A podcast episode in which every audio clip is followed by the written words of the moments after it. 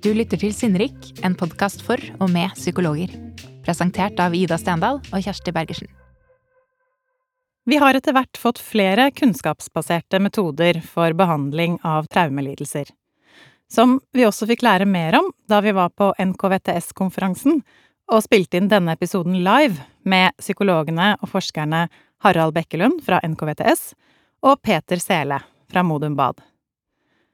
For hvordan skal den gjengse psykolog bli god på traumebehandling, når man kanskje verken har tid eller ressurser til å følge omfattende kursopplegg og videreutdanning? Og hva gjør man når pasientens vansker blir så omfattende og komplekse at det er vanskelig å vite hvor man skal begynne? Kanskje blir man redd for å gjøre noe som gjør at pasienten får det verre?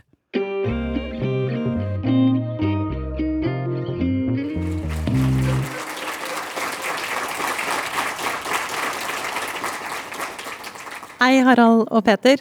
Hei. Hallo, Veldig fint å ha dere med. Eh, I Sinnrik så er det jo sånn at vi er særlig opptatt av hvordan vi kan hjelpe den gjengse psykolog til å oversette det forskningen forteller oss. Og helst da til noen konkrete grep som eh, er mulig for alle behandlere å ta i bruk. Og I løpet av denne konferansen her så har vi jo fått eh, presentert mye spennende forskning og kunnskap om metoder og implementeringen av dem. Så i denne samtalen her så har vi snakket om at vi har lyst til å forsøke å konkretisere et slags minste multiplum for god traumebehandling. Ganske ambisiøst, men jeg tror vi skal eh, prøve så godt vi kan å få til den oppgaven. Men før vi starter på det, så er jo jeg veldig nysgjerrig på deres vei inn i traumefeltet. Hvorfor begynte du å interessere deg for traumer og traumebehandling og traumeforskning, Peter? Jeg tror liksom den første eh, det første møtet mitt med, med traumatiserte pasienter var når jeg jobba som psykolog eh, ganske tidlig i karrieren min ved Alna DPS, øverst i, i eh, Groruddalen, og møtte mennesker som hadde flykta fra andre land og hadde med seg traume både fra eh, ting som hadde skjedd i heimlandet, gjerne krigshandlinger og andre ting, men òg traume fra selve flukten og det å ha etterlatt familie. og og nære hjemme, og vansker med å på en måte finne seg til rette i et samfunn som var veldig veldig forskjellig fra det de hadde reist fra. Så det, var, det tror jeg var starten. Og så begynte du å forske etter hvert? Ja, det, da må en liksom litt lenger fram i, i, i min sånn uh, yrkeshistorie. Fordi jeg, uh, jeg begynte etter hvert å jobbe på Modum Bad, som, som har en egen avdeling for behandling av traumelidelser. Og Der er det hovedsakelig mennesker som har med seg opplevelser av uh, overgrep, vold, Uh, rett og slett sånn ødelagte oppvekster som, som kommer og søker hjelp.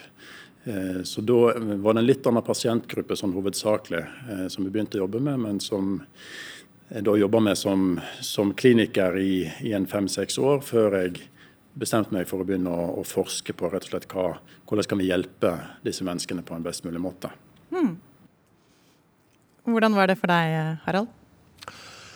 Ja, altså, det var litt sånn uh, tilfeldigheter for meg i hvert fall. Altså, jeg, altså, jeg ble spurt om det spørsmålet før, og da er liksom uh, mange som forventer liksom, at du skal ha en liksom, sånn personlig historie eller et eller annet som gjør at du liksom, Ja, derfor så begynte jeg å jobbe med traumer. Også, men for meg så tror jeg det var mye tilfeldigheter. Altså, jeg, jeg hadde praksisplass på Alternativ til vold eh, når jeg var, var på slutten av psykologstudiet. Jeg jobbet med familievold, og så fikk jeg jobb der etterpå. Jobbet da i et prosjekt som handla om familievold i minoritetsfamilier. Så jobbet litt sånn som Peter, jobba mye med flyktninger og eh, folk med flyktningbakgrunn. Og, det var veldig mange da. Og jeg jobbet primært med voldsutøvere, men veldig mange av dem hadde jo eh, traumeerfaring. Og jeg så også at de traumeerfaringene og PTSD-plagene de hadde, hadde ofte en del med, med traumesymptomene å gjøre. da. Da, og da var det ganske klart for meg at uh, her var det noe jeg virkelig ikke kunne. Jeg husker første pasienten jeg hadde som hadde veldig aktiv PTSD. Så begynte jeg å snakke med han hva, hva, liksom begynte å spørre han litt om det han hadde opplevd. Han hadde vært noen noe, noe soldat uh, i Palestina, og han gikk rett inn i et sånn dissosiativt anfall uh, og kom ikke tilbake. Uh, så det var en veldig bra start. så jeg skjønte på en måte at jeg trengte jeg, jeg trenger noe mer kompetanse. Da. Så, så, da begynte jeg å gå på kurs. Jeg gikk på MDR-kurs, gikk på noen kurs med sånn Ellerton House og dissosiasjon og sånt, så jeg liksom ble mer interessert i det. Og så fikk jeg etterpå jobb på, på Modum Bad sin traumepoliklinikk. Eh, Eh, som er i Oslo. Som var, den var helt nyoppstarta, var med å starte den avdelingen. Og drev og holdt på med gruppebehandling der i mange år, med folk med seksuelle overgrepserfaringer veldig mye. da, Og mye sånn komplekse traumelidelser. Eh, og så ble jeg da etter hvert mer interessert i eh, Og det var jo noe vi alle var interessert i. at Vi har denne behandlingen her, og vi ser jo at pasientene liker det, og vi får mange henvisninger og sånt noe, men virker det egentlig? Og det var det som, som gjorde at jeg endte opp med å begynne med forskning. Og så har det på en måte havna mer over i implementering og sånn etter hvert. Så det er mange tilfeldigheter, egentlig, oppleves det som, selv om det kanskje er en slags rød tråd. Det er spennende å se hvordan de veiene kan gå. Det begynner ofte litt tilfeldig, men så jobber man kanskje med pasientgrupper hvor det er en tematikk som er litt sånn gjennomgående. Og så begynner man å stille seg noen spørsmål som kliniker. Og jeg vet at dere har jo vært også mye ute i tjenestene. Og drevet med opplæring og, sånne ting. Og sikkert kommet i kontakt med mange behandlere. Så jeg blir litt nysgjerrig på hva deres inntrykk er av status.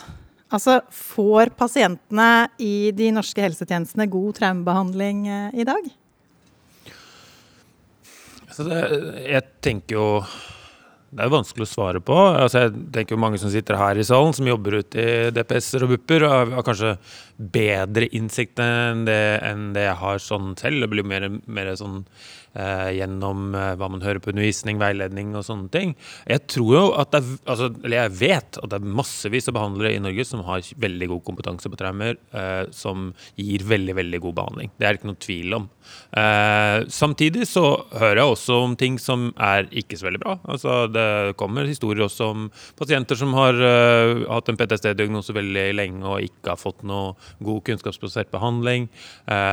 Steder hvor man er veldig lite opptatt av det. Så det, jeg tror det er litt sånn blanda bilde. Men jeg tror altså, det, er mange, det, er veldig mange som er veldig, veldig flinke. Men to ting som kanskje er litt sånn eh, foruroligende, syns jeg, er for det første at det er, jeg tror det er mange steder hvor det er masse flinke folk som har mye kompetanse, som kan gi veldig god traumebehandling, men som ikke har rammene for å gi god behandling. Eh, både at de ikke har nok tid, at de ikke har nok ressurser, men også kanskje noe med hvordan vi styrer tjenestene. At det er ikke nødvendigvis sånn at eh, de pasientene som Uh, trenger traumebehandling, kommer nødvendigvis den behandleren som, som er god på traumebehandling. Altså, altså, det er mye, litt mye tilfeldigheter, tror jeg. Uh, og så syns jeg du er litt sånn med, altså jeg, jeg, vet mye om, om, de pasientene som er med i implementeringsprosjektene våre, og vet hva slags behandling de får og hvordan det går med dem. Men, men det er jo veldig, det er en litt sånn svart boks å vite hva, hvordan Og har, jeg syns ikke vi har god nok oversikt over hva som foregår i tjenestene. Altså det, er ikke, ikke, det, er ikke, så veldig lett å få innsikt i det. Uh, det er mye registrering av mye rart, men det er ikke så mye uh, registrering av ting som gjør det lettere for oss å vite hva slags behandling pasientene får. Da. Peter, sitter du med noe inntrykk av hva behandlere syns er særlig vanskelig? Altså, er man, hvor er det skoen trykker? Altså, hvor er det man syns det butter litt? Ja, jeg tror nok det, det, er mange ting når det gjelder eh, disse komplekse traumetilstandene eh, som kan gjøre folk usikre. da. Eh, og En av dem er jo på en måte bredden av hvor mange ting som ikke fungerer at det er veldig mange ting som ofte er vanskelig og problematisk og trengs å ordnes opp i eh, nå eh, samtidig. Eh, så det kan være en utfordring å sortere. Og en annen ting som jeg tror er en utfordring, det er jo dette å klare å vurdere hvor mye tåler denne pasienten som jeg har foran meg nå. Kan jeg gjøre, noe, kan jeg gjøre skade ved å gå eh, for rett på noe som blir overveldende eller som blir ugreit? Eh, for denne pasienten. Så en, jeg tror nok mange kjenner på en litt sånn eh, vaktsomhet der, da, for ikke ville, ville gjøre noe som, som, blir eh, vondt for folk, eller vanskelig for folk, eller gjøre ting verre. Eh, så det er kanskje hoved, noen sånne hovedutfordringer knytta til det. Mm. Ja. Og akkurat det med å være litt sånn redd for å gjøre feil, gjøre vondt verre, det, det er noe vi skal komme tilbake til også, for det, det tror jeg er et viktig, viktig, poeng her. Men før vi går dit, så har jeg lyst til at vi bare skal ta en liten sånn kjapp oppsummering av eh, de kunnskapsbaserte behandlingsmetodene som vi har i dag. Altså Det har vi jo gjort på denne konferansen, så det det vil være ganske kjent for alle dere som sitter her, men jeg tenker for lytterne våre så er det litt viktig å få det litt sånn nevnt. Eh, de, de behandlingsmetodene som vi ser blir brukt, og som er ganske etablerte, hvilke, hvilke er de sånn i, i voksenfeltet? Litt sånn overordna. Jeg vet ikke om jeg eller du skal svare på det, eller Harald, men ja. ja. Eh, nei, sånn overordna så sett så eh, har en eh, forska mest på, og har òg mest evidens for å si at det som en med en sånn overskrift kaller traumefokuserte terapier, eh, er det som har best effekt eller eh, virker. Eh, innenfor den si, overskriften eller under den paraplyen så ligger det forskjellige terapiformer, som f.eks. EMDR eller traumefokusert kognitiv atferdsterapi, som vi har hørt mye om på denne konferansen. Eh, Forlenga eksponeringsterapi. Eh, kognitiv prosesseringsterapi. Andre varianter som bygger på av terapier som bygger på det at en, en jobber direkte med eh, traumeminnene som pasientene bærer på. Og Forlenget eksponeringsterapi, det er det vi kaller på det er det som er prolonged exposure, ikke stemme, sant? som stemme. mange også sier på norsk. Men det, ja. det, er fint at du kommer med en norsk oversettelse. Ja, ja. Jeg prøver meg så godt jeg kan. Ja, ja. nei, så, så, det er liksom den gruppen av terapiformer som har den sterkeste evidensen. Og så vet jeg òg at det Eh, det finnes det en kan kalle en mer sånn begynnende type evidens, eller ikke like solid fundering. Da. Positive studier, men det er ikke like mange. F.eks. For, for å bruke eh, eh, interpersonlig terapi eller mer kroppsorienterte terapier, som, som, kan være virksomt, men der evidensgrunnlaget ikke er like solid eh, per i dag. Da. Mm. Mm. Kan kanskje skyting, altså altså, som, som, Peter sier, altså, vi har jo da gode, gode behandlingsmetoder som, eh, som virker. Eh, som virker for mange. Eh, og som det har vi snakket mye om på denne konferansen også. Hvis det vi, som, er, som er veldig spennende, syns jeg, da, som er, er, kanskje nytt de siste 10-15 årene, er at vi, vi, ser at disse metodene også er veldig robuste. At vi ser at det er ikke sånn, altså, Før så var det litt sånn at man, man visste at ja, dette virker på PTSD, men kanskje var, mesteparten av studiene var lett gjort på folk som kanskje hadde Eh, blitt, altså, man hadde ekskludert mange pasienter som hadde mye komorbiditet, eller var mest pasienter som hadde vært utsatt for mer sånn enkle traumer. Eh, ikke sant? Det var mange tilstandsbilder som måtte ikke var med i studiene. Eh, det som vi har sett nå opp gjennom de siste årene, er at det kommer mer og mer studier på både pasientgrupper som man kanskje før tenkte at nei, vi kan ikke drive traumeeksponerende behandling med dem. Folk med psykose, folk som er selvmordstrua, folk med personlighetsforstyrrelser. Så ser man at det virker faktisk med dem òg. Eh, kompleks PTSD, som er jo noe man ser at, at det virker der også, som, eh, som, vi så litt data på i går.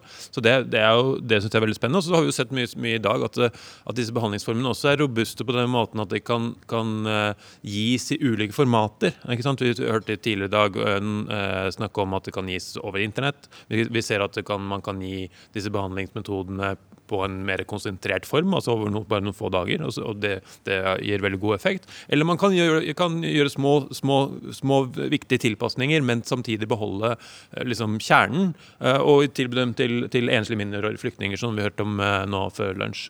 Så vi ser at de, de behandlingsmetodene er veldig robuste, og det er veldig veldig bra. Men selvfølgelig det som er viktig å skyte inn samtidig, er at det er jo ikke sånn at vi vi har ikke funnet kuren for PTSD. Det er fortsatt altfor mange pasienter som, har, som, enten ikke får tilbud, som, ikke, som, faller ut av behandlingen, eller som ikke har, har den effekten som vi håper på. Kanskje de ikke, enten har dårlig effekt, eller at de har fortsatt mye plager etter endt behandling. Så er, vi er ikke i nærheten av måte, å være ferdig. Men uh, vi, vi, har, uh, vi, har, noen gode verktøy i, i verktøyboksen da, som er, uh, er viktig å, å, holde fast ved. Mm.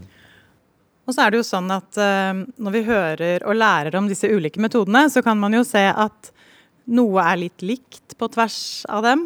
Uh, noe overlapper, noe er litt forskjellig. Og så kan man kanskje få inntrykk av at uh, ting er litt sånn Forskningen kan litt, si litt forskjellige ting også.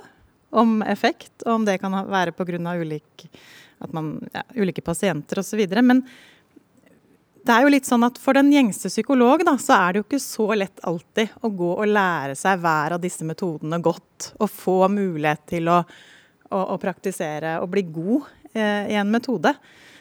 Så jeg har lyst til at vi skal begynne å peile oss inn på er det noe vi ser Er det noen virksomme ingredienser som går igjen? Kan vi begynne å trekke ut noen elementer som vi ser dette er det viktig at vi har med oss? Ja, det tenker jeg at det går. Altså, før, før bare Ved introduksjonen din til spørsmålet så har jeg lyst til å bare si det at jeg tenker at eh, heller enn at du tenker at du skal lære deg alle disse forskjellige variantene av terapi, så er det nok mer nyttig å tenke at jeg kan, det, jeg kan bli god i en av dem. Og så gå på kurs i det, lære meg det, og så kan jeg bruke den. Eh, det er ikke mange, mye som tyder på at det er forskjeller i effekt mellom disse ulike metodene. Eh, så du kommer nok lenger ved det enn å forsøke å tenke at jeg skal lære meg både EMDR og long exposure og termfokusert terapi og alt dette. Men til det andre delen av det du, det du eh, spør om, er det noen sånne essensielle ingredienser som er felles på tvers, så er jo dette som jeg var kort innom i stad, at alle fokuserer på hva er det som har skjedd med deg.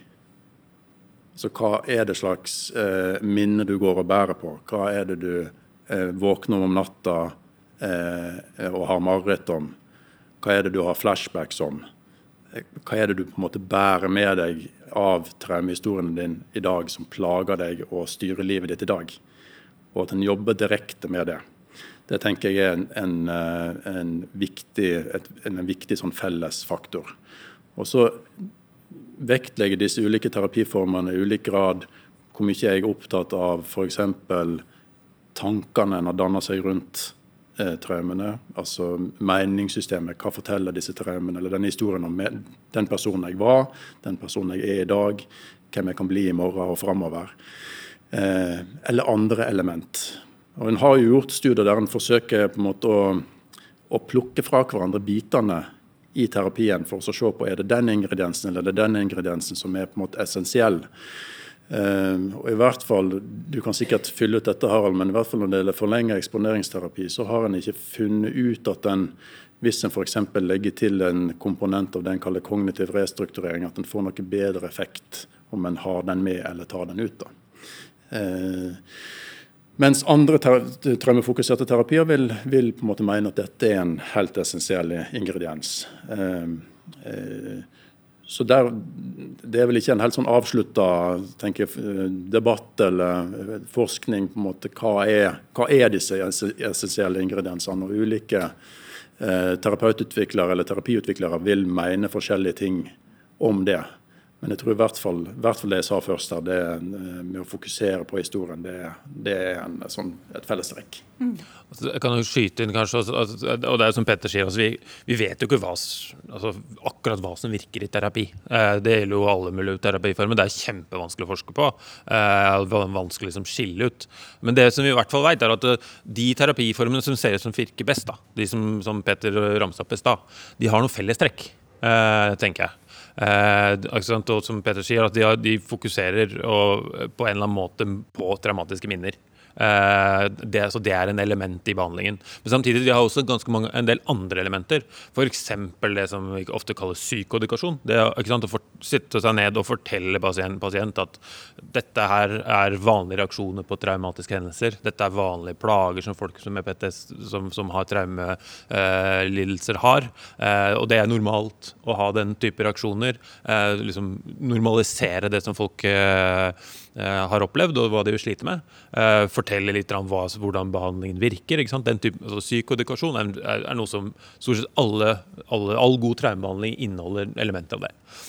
noe følelsesregulering, altså hjelp til å regulere følelser. Det er litt, altså, er litt opp og ned hvordan akkurat man gjør det. ikke sant? I prolonged exposure så bruker man sånn, sånn uh, avslapningsteknikker. Andre i, i MDR så har man noe sånn safe place-installering. ikke sant? Altså man, det, man, gjør det litt forskjellig, men en viss hjelp til, om det er grunningsteknikker eller noe sånt, litt hjelp til å regulere seg.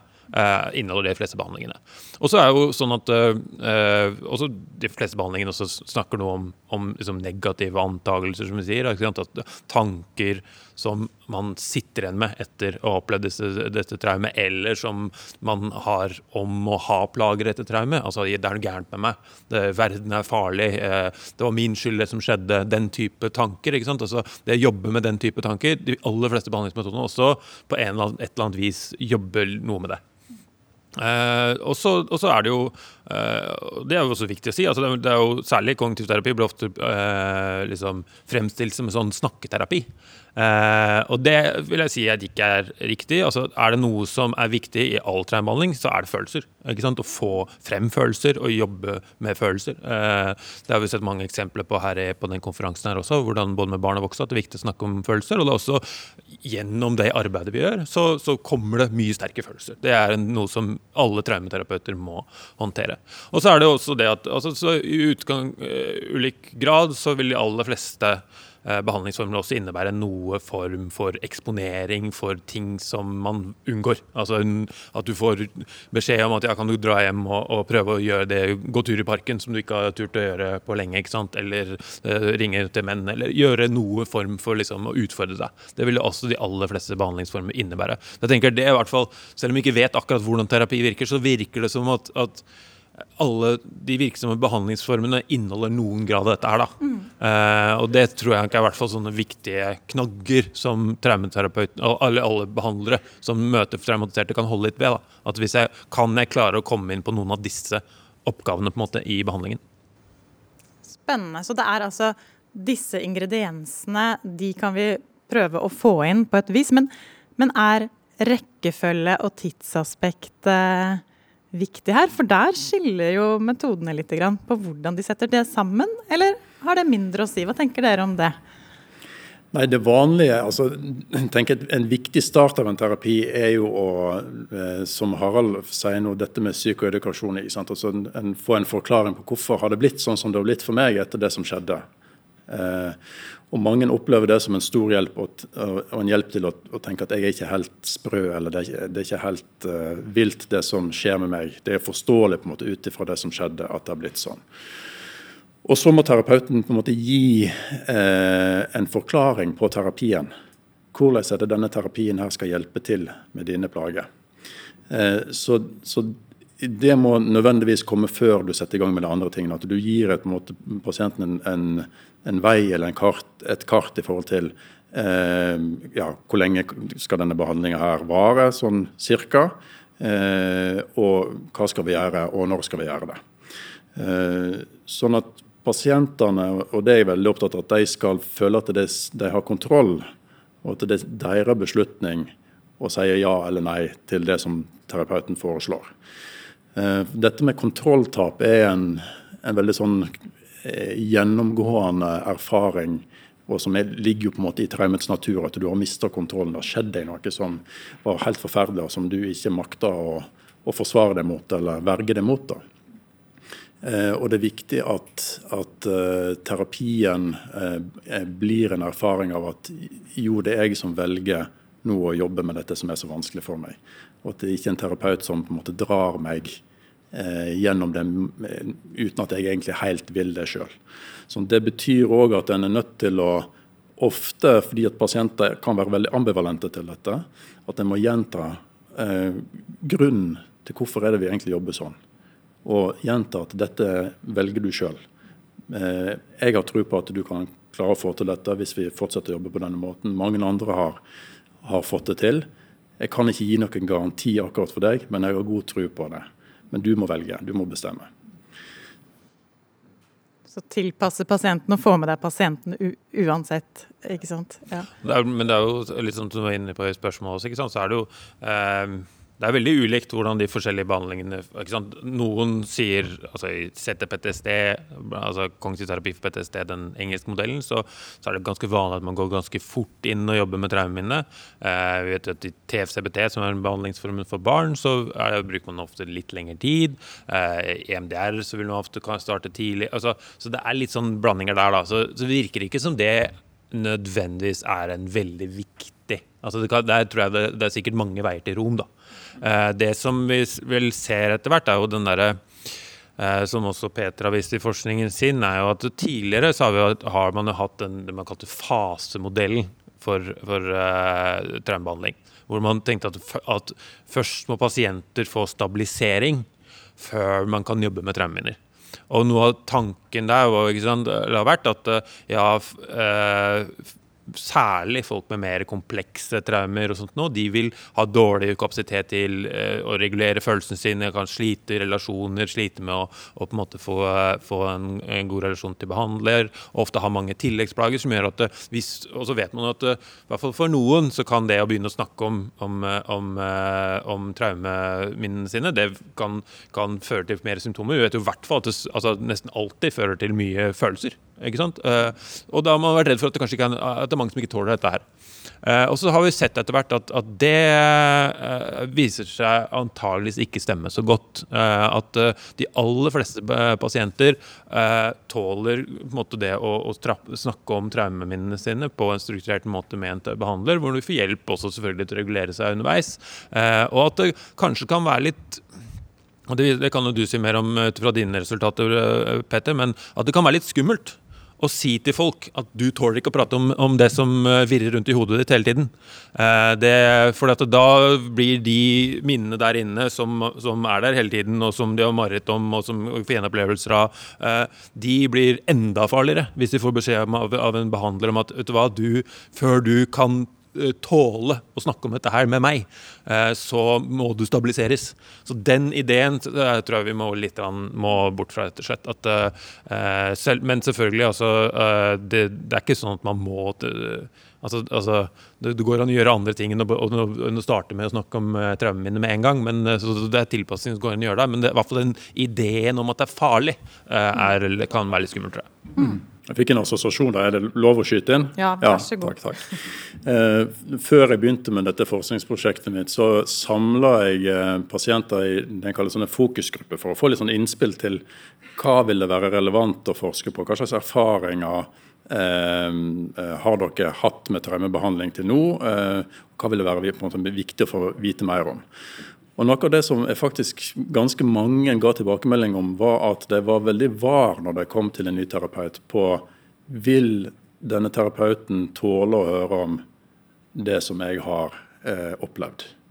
Og mange bestemte seg ganske raskt for at nei, vet du hva, det tror jeg ikke, eller jo, her tror jeg at det er trygt nok. Sånn at Det tenker jeg er et veldig sånn viktig påminner til oss terapeuter, at vi, at vi blir skanna når folk kommer inn i rommet med noe så sensitivt eh, som de trenger hjelp med, så eh, er de veldig vare på om vi signaliserer at dette tror jeg blir vanskelig, enten fordi at det kan gjøre deg dårligere, eller fordi at dette orker ikke jeg å høre om. Um, og det, Selv om det ikke er intensjonen med såkalt faseorientert terapi å signalisere at en ikke tror at folk kan tåle å jobbe med traumene sine, så tror jeg at det kan være en litt sånn implisitt formidla beskjed gjennom at en legger til en egen behandlingsfase som, som handler om å regulere affekt og, og andre ting som, der en ikke jobber direkte med traume. Så Kanskje tenker folk da med seg sjøl at ja, det betyr vel at ikke jeg er klar, eller at ikke jeg vil være sterk nok, eller dette er nok kanskje veldig farlig for meg å snakke om. Så, så den faseorienterte tenkninga er jeg tenker er veldig, en sånn omsorgsfull tanke bak den, og en, et veldig vel, velmeint eh, og pasientivaretagende måte å, å, tenke på i utgangspunktet. Men jeg tror kanskje ikke at en helt overskuer det, akkurat det der budskapet som kanskje ligger litt mellom linjene der, og som en del pasienter tror jeg oppfatter ganske, ganske tydelig. Jeg kan jo, altså jeg er enig i det du sier, Peter, i forhold til at det er, det er utgangspunktet en omsorgsfull tanke. Og, jeg må jo si for, for meg selv, altså når jeg begynte å lære traumebehandling, så var det jo det jeg ble lært. Eh, og som jeg også tenkte at var riktig, og jeg har undervist andre om det. ikke sant, at Viktigheten av stabilisering. at skal, altså Jeg husker jeg også var lenge forsik, veldig forsiktig med å spørre folk nesten direkte om traumeerfaringene sine når jeg skulle utrede dem. altså jeg tok bare en litt sånn overfladisk, altså Jeg hadde mange tanker om at det var skummelt. At det var, at, var, at, folk ville bli destabilisert, og at de ville få det verre av at jeg liksom gravde i traumene, traumene deres for tidlig. Eh, og så er det noe med at det Og det tror jeg gjelder veldig mange behandlere i Norge. At det er det, det vi har på en måte lært tidligere. Og så eh, er det jo Syns jeg det er fint, egentlig, at man lærer nye ting. Eh, og så viser både forskning og klinisk erfaring etter hvert, og det er masse dyktige fagfolk som har vist dette her, at eh, vet du hva, dette stemmer egentlig ikke helt. Så, så vi må snu litt på flisa, og det syns jeg er veldig bra. Mm. En viktig, veldig viktig beskjed fra de pasientene som dere snakket med der. For det er noe med å vite hva er det de faktisk eh, tenker på og ønsker seg i en behandlingssetting. Og at eh, Men ja, vi, før vi skulle ha denne episoden her, innspillingen, så spurte vi lytterne våre eh, om hva de lurte på. Hva de hadde lyst til å spørre dere om. Og da kom jeg på det ene spørsmålet som eh, en eh, sendte inn til oss, som vi er litt inne på nå. Nemlig hva er det dummeste en kan gjøre i møte med pasienter med traumer? Og det, det viser kanskje litt hvordan, hvor mange er. Hva, hva, skal vi ikke gjøre? Hva er vi redd for å, å gjøre? for å ikke gjøre vondt verre? Hva er, hva er det dummeste vi gjør? Altså, ja, altså, det er jo noen sånn helt sånn åpenbare ting. Altså, Ikke tråkke over grensene til folk. Eh, altså, eh, ikke tvinge folk til å gå gjennom behandling eh, eller gjøre ting i behandling som de ikke er komfortable med. Eh, det tenker jeg er veldig, veldig viktig. Jeg tror For de, nesten alle folk som har opplevd traumer også, så er det viktig å hvert fall bli møtt med en behandler som, som anerkjenner det man har opplevd og anerkjenner at man sliter med det. Det betyr jo ikke at man nødvendigvis alltid liksom, Det er ikke sånn at alle traumepasienter har et perfekt bilde av det de har opplevd. på en måte At vi skal ta for 100% god fisk alt det de sier at de har opplevd. på en måte, altså det, for Du vet jo at minnene våre kan være litt sånn uh, fussy. Men, uh, men at man, at man får, blir møtt med anerkjennelse for det man har opplevd, det tror jeg er veldig, veldig uh, viktig. Um, så, men så samtidig så tenker jeg at uh, en ting som jeg tenkte på når jeg, når jeg så det spørsmålet, var vel um, Altså, jeg, jeg, tror det er veldig farlig å, at vi på en måte gjør uh, folk som har opplevd traumer, til svakere enn de er. Eh, jeg tenker at uh, altså mange, mange, av de aller tøffeste og sterkeste folka jeg har møtt, har jeg møtt som behandler uh, når jeg har jobbet med traumer. Og møtt folk som har overlevd ting som jeg tenker sånn Herregud, jeg vet ikke om jeg hadde overlevd det. De er, altså, det er veldig veldig sterke mennesker som har massevis av ressurser. Uh, og jeg tror at vi skal være veldig forsiktige med å på en måte sykeliggjøre eller svakliggjøre folk. Og tenke og at, at, at, vi i beste hensikt så kan vi liksom uh, si til mennesker at ja, men stakkars deg, du som har opplevd dette ferdig, Det er klart at du ikke får til det. At det er klart at du ikke skal uh, måtte gjøre det. ikke sant? Altså, uh, og det skal vi være forsiktig med. Altså, fordi at det Da tar vi fra folk ressurser mer enn vi gir dem ressurser, tror jeg. Mm. Men lyst til å skyte inn det at jeg tenker at disse historiene som kommer, f.eks. når en får høre om, om oppvekster som har vært helt forferdelige, altså folk som har vært utsatt for gjentatt overgrep, kanskje av en far eller en, noen i nære familien som en må bo sammen med, og har en annen forelder som har sett den andre veien. Eller. Eh, de historiene de, de treffer en som terapeut sånn rett i, rett i magen. Eh, og, og det, det, vekkes òg en en omsorg hos oss. Sant? du får lyst på en måte å du får lyst til å bare liksom pakke deg inn i et pledd og gi deg en kopp te. Sant? Og tenke at, uff, at dette er jo helt jævlig, rett og slett. Unnskyld språket, men, men, men eh, vi må òg være liksom bevisst på, på, hva dette vekker i oss som terapeuter. Og at ikke det nødvendigvis er det samme som de trenger for å få til en endring i sitt liv. Jeg er helt enig med Harald i det han sier, at dette undervurderer hva disse pasientene kan få til, og hva de kan klare. De kan overraske seg sjøl gjennom en sånn type terapi i stor grad. Og jeg tror at akkurat den, det elementet med at å klare å fortelle historien sin og, og oppdage at jo, det var kjempevanskelig, det var ekstreme følelser der, men jeg gikk ut fra terapirommet, og det var litt mindre jævlig når jeg gikk enn når jeg kom. Jeg klarte faktisk å sette litt ord på dette her. At det er en sånn ganske transformerende opplevelse for mange. At de får retta ryggen og opplever seg mindre skjøre, mindre eh, som sånne aspelauv eh, som flyter i vinden eller korker på åpent hav. på en måte. At Det gir noe sånn, en, en, kanskje en type personlig seier, rett og slett, litt over historien. At jeg har faktisk, istedenfor å rømme fra den historien, så har jeg tatt liksom tyren med hornet og, og snakka om det. Og, ja, og det. og det klarte jeg. Mm. Jeg har lyst til at vi tar et lite steg inn i et uh, terapirom ja, og prøver å se for oss en situasjon som kan oppstå der, for å prøve nå å oppsummere noen av disse ingrediensene vi har uh, snakket om. Uh, vi har satt sammen et, et lit, en liten situasjon. Du er behandler på DPS og får inn en ny pasient. Det er ikke første møte med psykisk helsevern for denne pasienten. Du ser i journalen at pasienten har vært utredet flere ganger. Det er satt flere diagnoser, blant dem kompleks PTSD. Du merker at det er krevende for pasienten å sitte ansikt til ansikt med deg. Pasienten er også veldig var på signaler fra deg og legger frem på en litt springende måte mange og ulike ting hun trenger hjelp til. Du får også en mistanke om at pasienten tidvis dissosierer, og hun virker nokså utilpass i situasjonen. Hva ville dere tenke er, det, er de viktigste elementene som bør være med, som vi bør ha med oss inn i et behandlingsopplegg for denne pasienten? Ja eh dette er jo en kort liten vignett i, sånn, så det er klart at jeg, blir, jeg ville spurt mer. på en måte. Jeg ville tenker jeg også satt ord på det jeg ser i terapirommet. At det har vært åpen på at jeg ser at dette er nok eh, kanskje ganske vanskelig for deg. At du, Kanskje hadde du grua deg før du skulle komme her, og du lurer på om, om eh, det blir ålreit å snakke med meg. Eh, om de tingene som, som plager deg. Adressere rett og slett den, den ja, eh, vaktsomheten som du værer litt der, da. Og så vil jeg jo eh, eh, med på en måte den eh, viten at her er det en kompleks PTSD-diagnose, så ville jeg vært interessert i å ganske tidlig liksom spørre etter noen sånne overskrifter. Kunne du, kunne du sagt liksom med to ord eller tre ord eller en setning eh, hva det er som har skjedd med deg? på en måte. Eh, hvorfor du har det så vanskelig.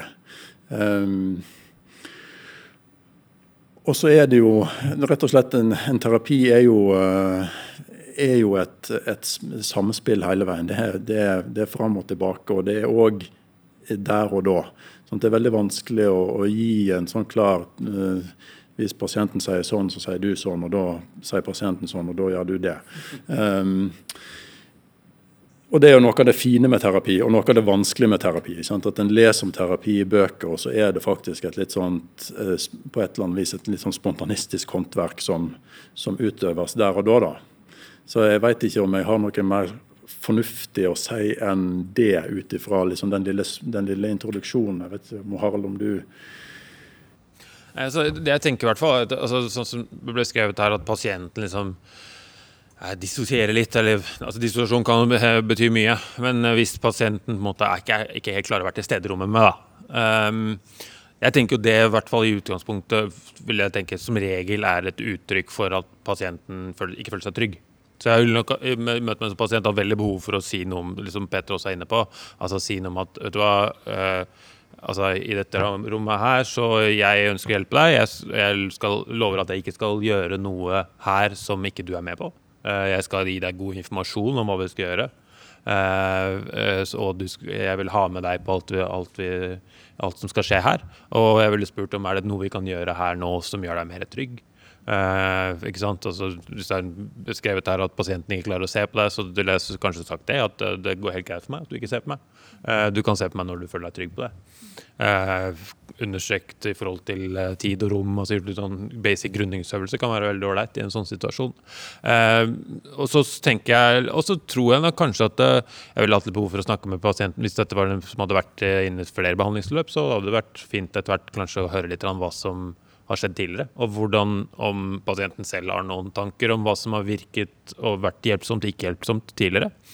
Og så tror jeg nok at jeg hadde hatt Altså, jeg, pleier, å tenke, i hvert fall hvis dette på en måte er en kompleks PTC-pasient, så tror jeg det var viktig for meg å si noe om at du, jeg, har, tror at jeg har, kan hjelpe deg.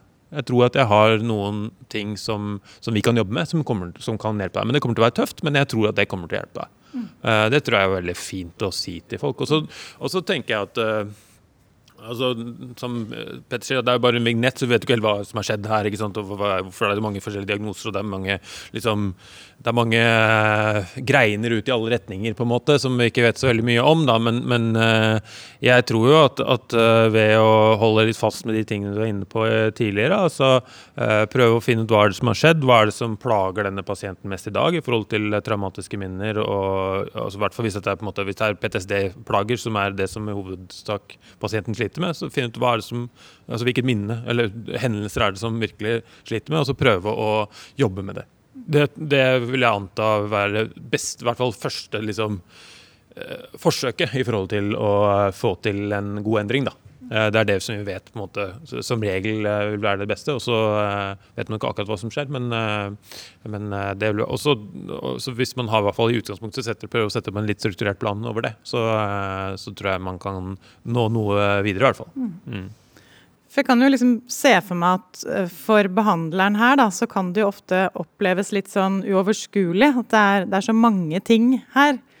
Man, og det er kanskje litt uoversiktlig, og det er så komplekst, tenker man. Så det å kanskje bare ta et steg tilbake og tenke trygghet, uh, og at man skal da, sånn som dere sier, og tenke at jeg skal være en behandler som denne personen da tenker kan tåle tåle meg, da. Litt sånn til det vi snakket om i stad, mm. kanskje. Mm. Mm. Kontroll. Ja. Og så, og så, tenker jeg i hvert fall litt sånn nesten alt Uansett, i måte det videre arbeidet. Jeg tror det som veldig lett som lett skjer, da, uh, tror jeg, når vi behandler Særlig med liksom, folk som, som, sliter mye forskjellig, og som gjerne kanskje har en veldig ja, ustabile ting utenfor uh, terapirommet som de sliter med. altså Kanskje har de ikke sant, sliter relasjoner, problemer på jobb eller ikke er i jobb. altså, er jo at vi som behandlere veldig lett blir dratt inn i måte, alt som går opp og ned i livene til disse til menneskene. og vi blir på en måte vi driver slukker mye branner, da. Jeg syns det var veldig fint å se presentasjonen her tidligere før lunsj uh, hvor det var snakk om eh, behandling av, eh, av mindreårige asylsøkere. Hvor, hvor, man tenker nettopp hvor det var veldig viktig å holde fast i behandlingsplanen i TFCBT for disse terapeutene og for disse, disse barna.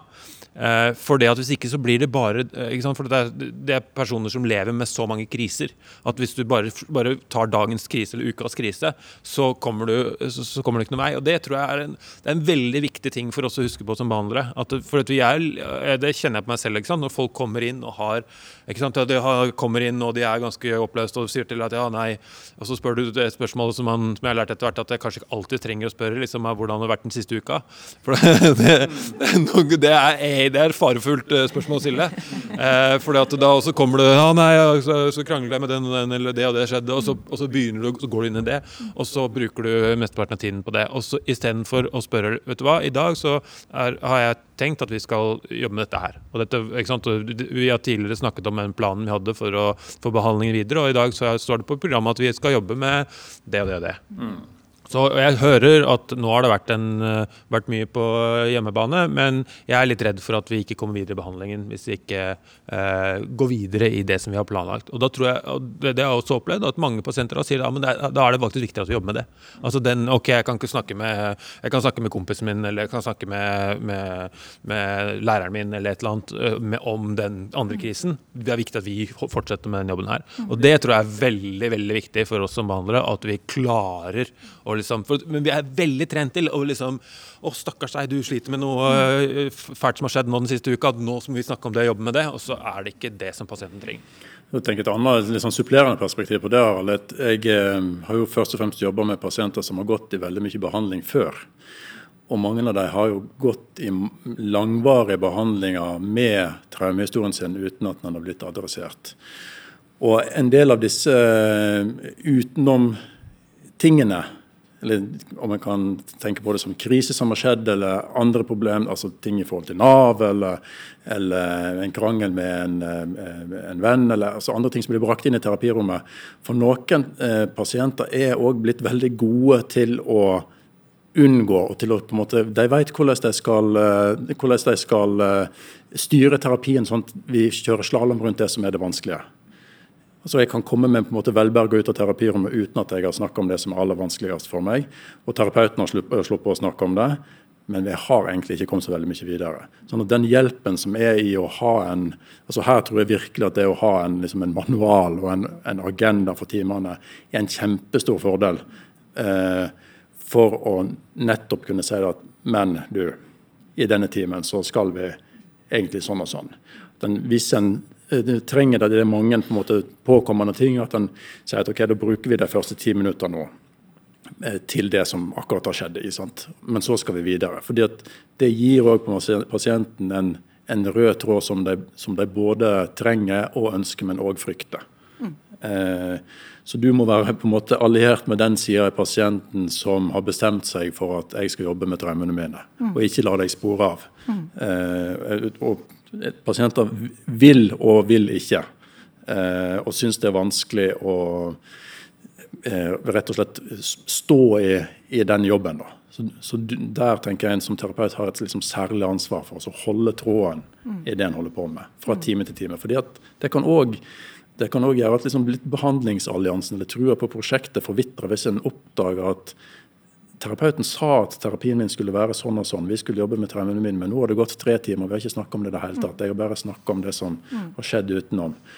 Og selv om det var mitt ansvar at jeg tok det inn, så skulle kanskje terapeuten min hjelpe meg å komme tilbake til det som egentlig er prosjektet.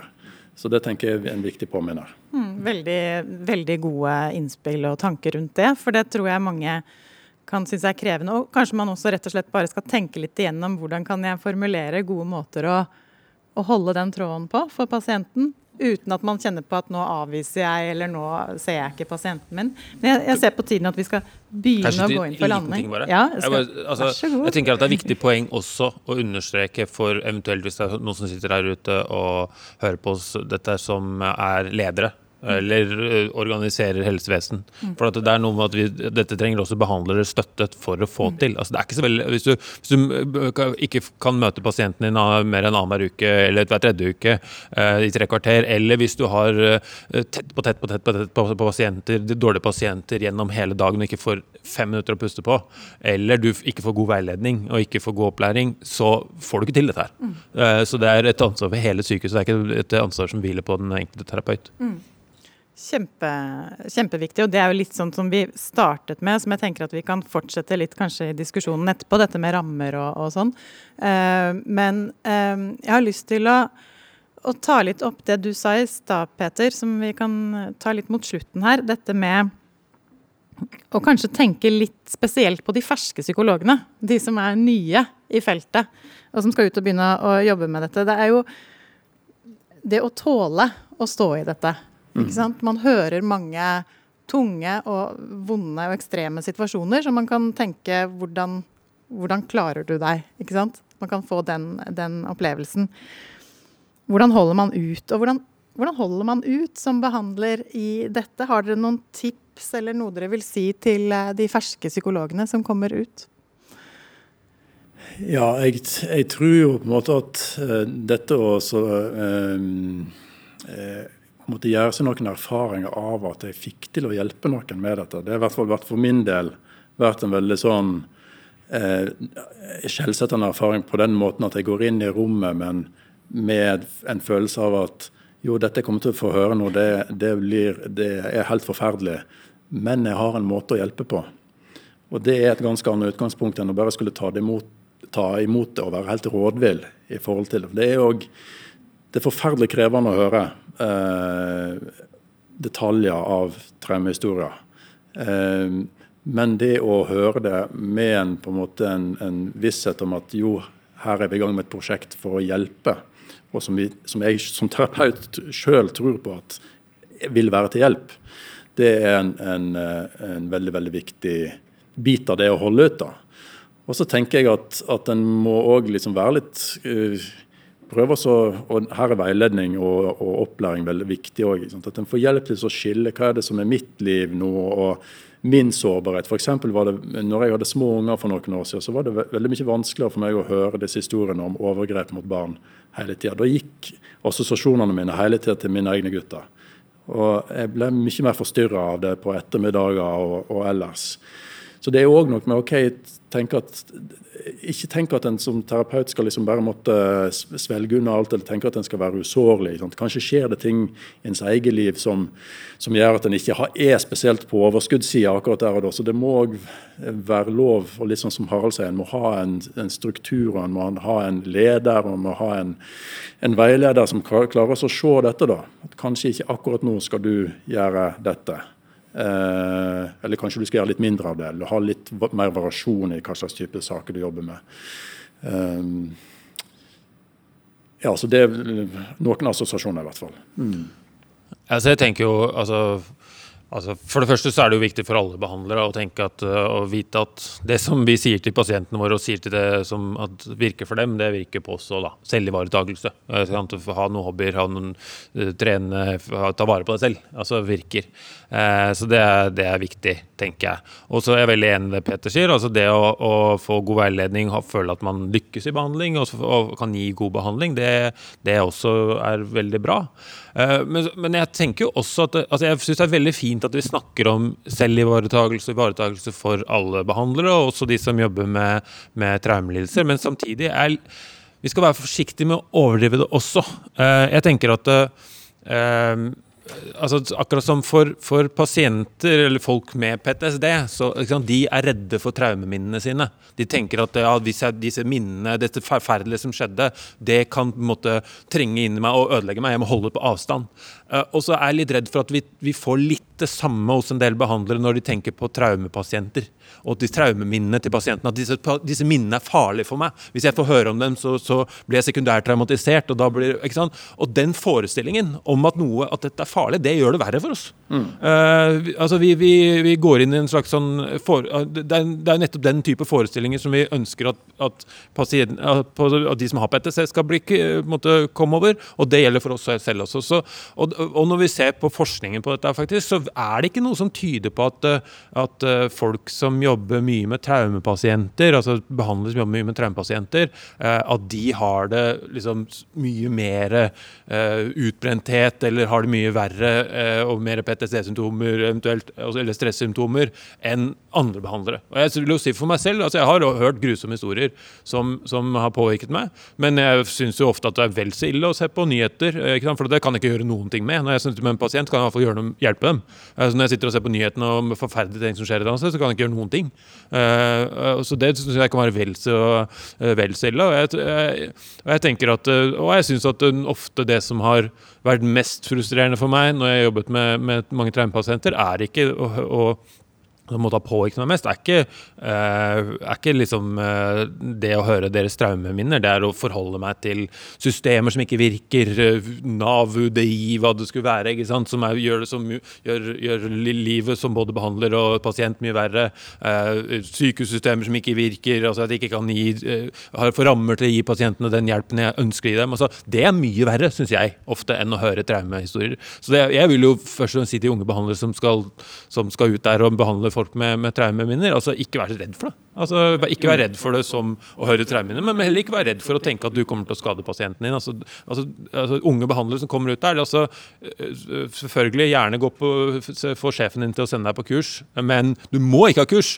Du må ikke kunne EMDR eller TFCBT eller CTPTSD eller noen av disse, disse bokstavkombinasjonene for å gi veldig god behandling. Hvis du leser en artikkel eller øh, øh, planlegger litt ut ifra det vi har snakket om på den uh, podkasten her, da, og, så, og, så, kan du gi kjempegod behandling. Og det, det, er, det er, ikke sånn at, at, at, traumepasienter er forferdelig vanskelig å behandle, og at det er en potensielt skadelig for deg. Så dette her tror jeg de aller fleste uh, psykologer som kommer ut, som er gjennomgående dritflinke, de kan gjøre dette. Da har jeg lyst til å si tusen takk til dere begge to, Peter og Harald. Takk. takk.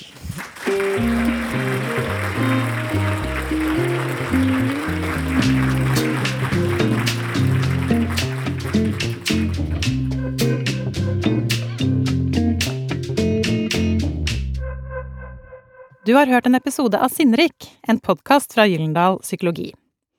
Denne episoden spilte vi inn live på NKVTS-konferansen i Oslo. Gjestene var Peter Sele og Harald Bekkelund. Det tekniske sto Nitro for, musikken var ved Johannes Amble, og jeg er Ida Stendal. Om du ønsker å vite mer om hva vi gjør i Sinnrik, få tips til videre lesning, og ikke minst gi oss tilbakemeldinger, og kanskje dine ønsker om temaer du vil vi skal ta opp, følg oss på Instagram, Sinnrik podkast og meld deg på nyhetsbrevet vårt. I neste episode begynner vi å gå inn for landing av vårens sesong. Men det er ikke helt ferdig ennå. Vi planlegger noe ekstra spennende for deg som er psykolog, og som er i spesialisering. Så følg med!